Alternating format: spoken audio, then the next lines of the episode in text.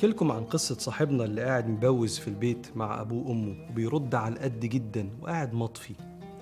مع إنه مع أصحابه قفشات وضحك وفتح مواضيع عشان ما تبقاش القعدة مملة. وأحكي لكم عن صاحبتنا اللي بتعشق الخروج مع صحباتها وقمة الإبداع في التخطيط لخروجة الويك أند وأتقل ما يكون عليها مشوار مع والدتها للسوق ولا للدكتورة أو صاحبنا اللي قاعد على القهوة قعدة ممتعة ثلاث ساعات مليانة لطف ودردشة وهزار. والقعدة دي أسهل على قلبه بكتير من ربع ساعة يذاكر لحد من عياله وصدره ضيق إنه يسمع مشكلة في البيت من مراته. أو صاحبتنا اللي خارجة ب full makeup و perfume رهيب بره البيت وجوه البيت قاعدة مع جوزها بالبيجامة. أي واحد مننا من دول اتقال عليه مثل زمان خيره لبره الخير لبره والناس المقربين مش واخدين أجمل ما فيه. والسر حالة من الإلف والضمان. تعودنا على بعض فضمنا بعض. وشنا في وش بعض أب ولا أم ولا عيال ولا زوج ولا زوجة فمش محتاج أجتهد إن أنا أبسطهم. رغم ان أنا لو ما سمعتش مديري كويس في الشغل أو زميلي في العمل أو حتى صاحبي على القهوة لو ما سمعتوش باهتمام وعيني في عينيه بل ومشاعر كمان متفاعلة مع كلامه ممكن يسمعني كلمتين ويقفش عليا.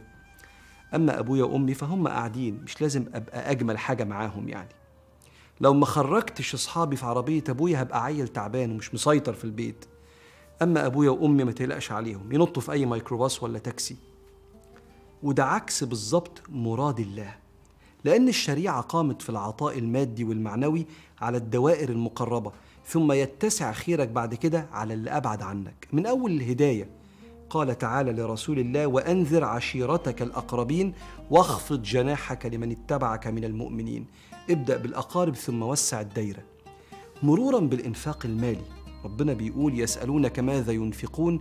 قل ما أنفقتم من خير فللوالدين والأقربين واليتامى والمساكين وبن السبيل وما تفعلوا من خير فإن الله به عليم.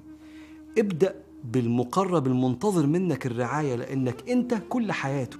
وشوف لفتة سيدنا رسول الله في قصة أبو طلحة الأنصاري الشهيرة كان عنده بستان اسمه بيرحاء فسمع الآية لن تنالوا البر حتى تنفقوا مما تحبون فقال يا رسول الله إن أحب أموالي إلي بيرحاء وإنها صدقة لله أرجو برها وذخرها فضعها حيث شئت يا رسول الله.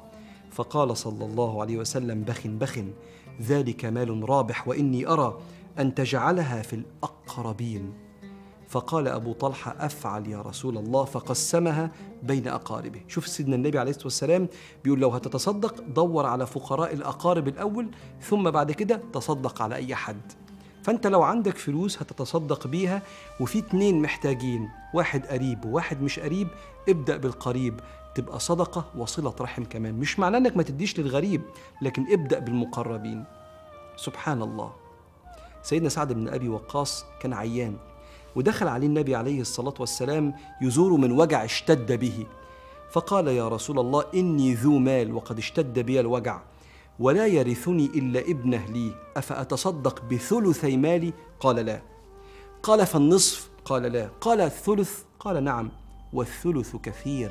إنك إن تذر ورثتك يعني المقربين أغنياء خير لك من أن تذرهم عالى يتكففون الناس. تخلي أهلك وقرايبك بعد ما تموت عندهم من مالك أحسن من أنك تسيبهم فقراء يمد إيديهم. يبقى أي واحد مننا خيره البرة ابدأ. ابدأ في إعادة الاستثمار في العلاقات المقربة استثمار الوقت والحنان. أنت عارف العلاقات اللي بره أمتع ليه؟ لأنك أنت أصلا ألطف وأجمل بره. حط الجمال ده جوه مع المقربين.